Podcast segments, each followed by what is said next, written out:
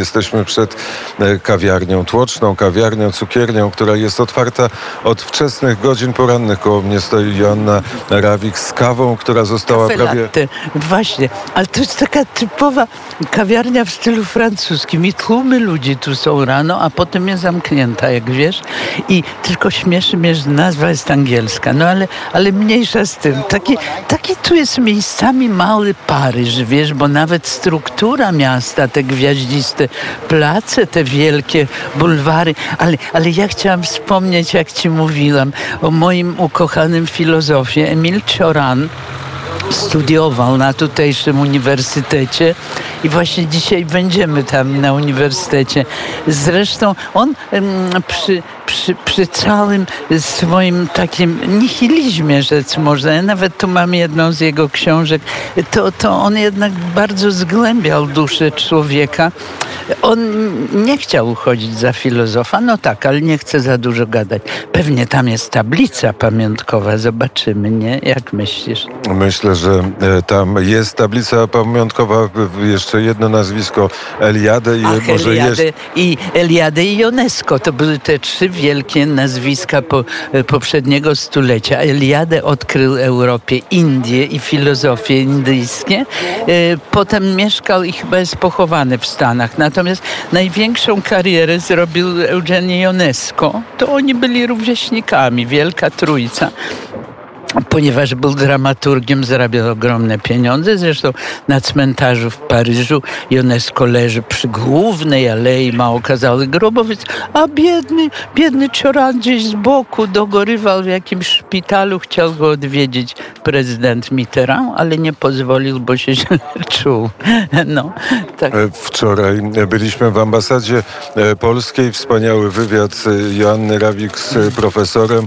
Znów polecam Państwu stronę w- ra- wnet.fm, a potem byliśmy w tym wielkim, olbrzymim gmachu postawionym przez Czałczesku, czyli w parlamencie rumuńskim. Niesamowity on jest. Ale widzisz, bardzo dobrze, bo wyście mi opowiadali po drodze, jak wysiedliśmy z taksówki, że, że na początku Rumunii nie bardzo wiedzieli, co z tym zrobić. To rzeczywiście największy, w Europie drugi budynek administracyjny względem wielkości.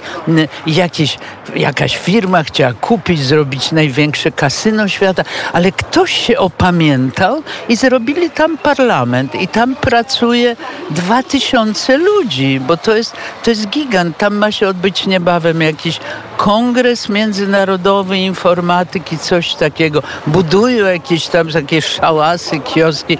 W sumie jest to, jest to nawet imponujące miejscami, piękne, ale jak powiedziała Hania, nasz Pałac Kultury jest piękniejszy, bardziej gustowny.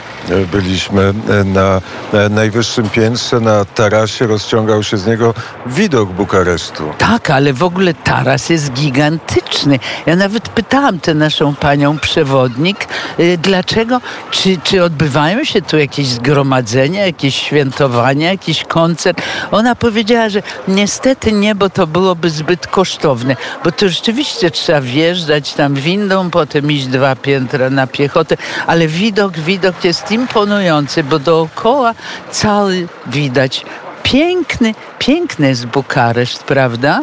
Bukareszt jest e, piękny, ale widok z tego tarasu nie, bo e, te wszystkie domy wybudowane w czasach Czałczesku czy w czasach komunistycznych zasłaniają to, co e, najpiękniejsze w Bukareszcie, bo najpiękniejsze są te małe ulice i nawet piękne są te kamienice, które są zrujnowane. Wygląda czasami tak, jakby przed chwilą skończyła się tu jakaś wojna. Niestety, ale, ale, ale one, ja nie wiem, niektóre stoją i nic się tam nie dzieje i one, i ktoś powiedział wczoraj, pan ambasador czy ktoś, że jeśli będzie większe trzęsienie ziemi, tak jak w 77, nie daj Boże, bo tu jest ten pas tych płyt tektonicznych, to te kamienice się zawalą, a one są przepięknej urody. Krzysiu, ale trzeba je oglądać z bliska, bo one mają te piękne detale, te, te zdobienia takie w stylu orientalnym.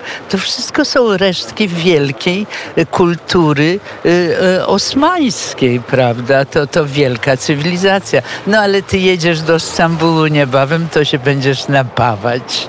Wielka wyprawa rzeczywiście przez Konstancję i Burgas dojedzie do e, Stambułu. Stambuł czeka przed nami e, w przyszłym tygodniu, ale tutaj też jest to potężne dwudziestolecie międzywojenne. Właśnie, właśnie, niezwykle interesujące. A ciekawe jest to, że ta cała e, trójca wielka, którą wymieniłam przed chwilą, oni wszyscy tu studiowali u profesorów bardzo prawicowych i bardzo faszyzujących. Trzeba przypomnieć, że tu był trzeci faszyzm Europy. Antonescu, prawda, kondukator, czyli Führer ichni, to opisuje, ale nie zupełnie precyzyjnie, ale opisuje czas wojny Curcio Malaparte w swojej świetnej książce Kaput. On tutaj był z frontem, więc historia, historia jest barwna. Historia jest... A, i oni wszyscy byli tacy troszkę faszyzujący. Y, Emil Cioran, pod koniec, on tak jak ty studiował filozofię, pojechał na stypendium do Niemiec i już nastał tam Führer i on się zachwycał tym porządkiem. No to jest porządek germański, nie Führerowski, prawda? I dopiero po jego śmierci wydano, ja mam książkę wydaną przez któryś z uniwersytetów paryskich, gdzie on się zachwyca, ale on się potem bardzo tego wstydził i nie chciał się do tego przyznać. Dopiero po jego śmierci to. Wielka to jest e, przyjemność wspólnie z Joanną Rawik prowadzić poranek wnet. A no, ja, ja też pierwszy raz się tu znajduję, ale to jest w ogóle, w ogóle wielka przyjemność być z radiem wnet tutaj w Bukareszcie, y, w kraju mojego urodzenia, gdzie tyle, tyle mnie z nim wiąże i tyle, i tyle we mnie zostało. I wszyscy mnie wokół pytają, skąd ja tak dobrze znam język rumuński. Ludzie są bardzo mili, są bardzo otwarci. Wczoraj rozmawiałam z naszym panem w recepcji naszego hotelu Liat, który jest też bardzo... A, bo okazało się, że my jesteśmy na terenie dawnej dzielnicy dzielnicy żydowskiej. To mi powiedział pan w naszej recepcji. A budynek nasz, fasada tylko jest oryginalna, bo ona jest zabytkowa. A, a cały środek, wszystko zostało jakby zbudowane na, nowa, na nowo, wzmocnione. To może e, być przyczyną, dlaczego tak wiele kamienic tutaj jest e, zrujnowanych. Koło